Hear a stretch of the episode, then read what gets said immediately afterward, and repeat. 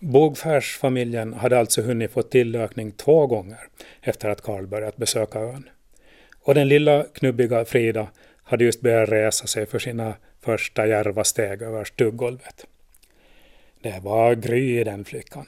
Hon hade även fått sin mors blick som berättade att hon skulle komma att möta livets skiftningar med hetta och intensitet. Precis som sin äldre syster. Det var praktfulla exemplar av kvinnosläktets grannaste yttringar som grodde på bogfärsklippor. Fyra konvaljer i olika skeden av blomstring. Och det var inte utan att de två yngsta även tycktes ha fått lite av sin fars framåtanda. Det var kabatatöser.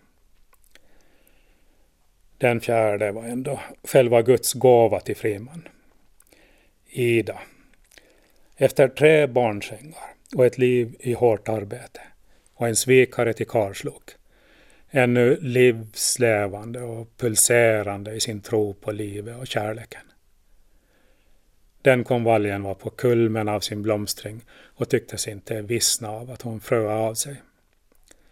Till Ida hade Karl köpt en grann väggspegel, bortåt två alnar hög, så att hon skulle kunna se sig själv nästan i helfigur. Den hade en utsirad oval ram i mörkt utländskt träslag som skulle komma att stå vackert omkring Ida där hon gjorde sig fin och kamma sig halvklädd inför kalas eller kyrkfärd.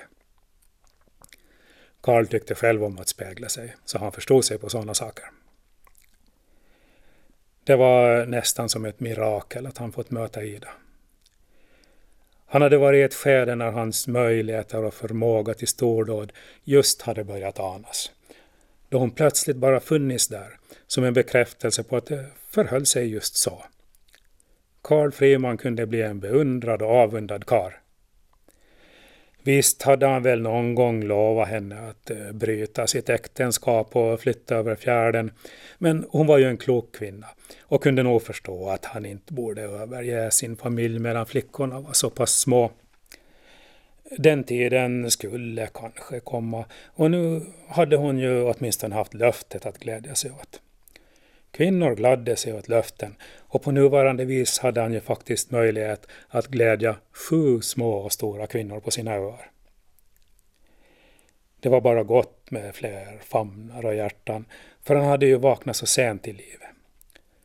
Trott att han inte varit god nog för lyckan och därför inte vågat skapa Karl Friman till den resa han hade kapacitet till. Ännu under sin tid på Fögle hade han inte vågat tro på livets erbjudanden och sin egen förmåga. Inte ens när Ulla på Vargskären hade betraktat honom med sina mörka ögon och berättat om sin ensamhet medan maken seglade ute på oceanerna hade han vågat stiga fram för att skänka henne gemenskap. Ändå ägde Ulla just den mörkt kraftfulla kvinnlighet som sände särskilda signaler till hans mottagare ett slags eh, hemlighetsfullt kodat meddelande mellan införstådda. Hennes make hade på den tiden seglat båtsman på Mariehamnsbarken John Gill på resa till Kaipara på Nya Zeeland. Och så vitt Karl visste plöjde John Gill fortfarande oceanerna för sin åländska redare.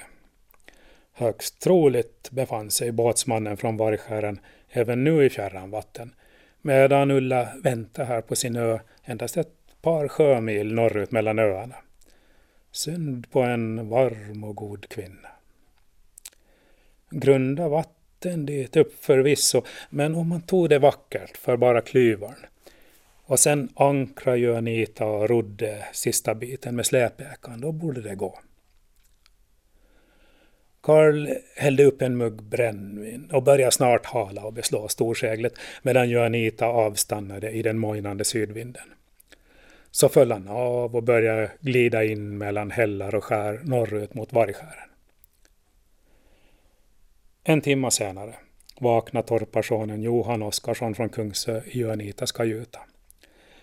Han hade följt med som Frimans hjälpreda på Åboresan och haft rortörn under hemfärdens första del då Friman sovit ut efter stadslivets påfrestningar.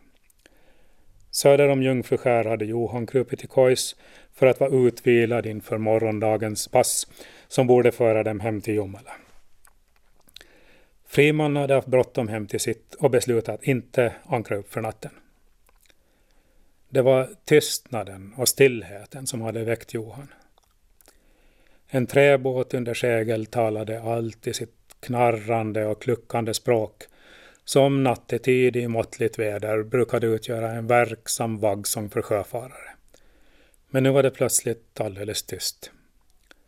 Johan tog sig sömnigt kajutdörrarna, stack ut sitt rufsiga huvud och kunde se att Juanita trots allt låg för ankar med slarvigt beslagna segel, medan släpekan med Friman vid årorna försvann in mellan öarna i norr. Men han hade seglat med Friman förr och kände sig varken övergiven eller förvånad. Det tycktes alltid finnas mycket att bestyra under sådana resor och han visste att det var bäst att nu passa på att sova ut riktigt ordentligt för han skulle förmodligen få sköta det mesta seglandet på egen hand följande dag. Det är klart att livet blev lite ensamt för Alina när hennes småsystrar var så mycket yngre. Hon älskade dem, hon tog gärna hand om dem och lekte med dem. Men eh, något riktigt sällskap var de ju ändå inte, inga man kunde tala viktiga livsfrågor med. Självfallet var hon uppvuxen med åror och segel och kunde ta sig själv över fjärdar och sund. Men visst blev man på ett särskilt sätt sammanlänkad vid dem som trampade samma klippor. Särskilt vid oväder och i menförestider. Mamma var bra, men hon var just mamma och det fanns saker som man hellre talade med andra om. De gånger hon besökte byarna uppåt land började hon alltmer söka sig till flickor och pojkar i hennes egen ålder och tillsammans med dem bygga upp ett eget sätt att umgås och tala. De hade andra intressen och prioriteringar i livet än de vuxna som var helt inriktade på arbete, förkovran och en smula gudlighet som främst tog sig uttryck i att nagelfara sockenbornas kristliga vandel. De unga behövde först bekanta sig med omoralen innan dylika ämnen blev riktigt givande. Bland de vuxna uppe i byarna förhöll man sig lite nedlåtande till torparflickan från utfäret med sin förlupne far och en mor som eh, visserligen skänkte många välkomna samtalsämnen men knappast av ett upplyftande slag. Vid samtal med Alina försökte de mest pumpa henne på detaljer i hennes hemliv där en utsocknes husbonde delades med grannen. Lättare hade hon det med de unga som var mer öppna för hennes vinnande väsen.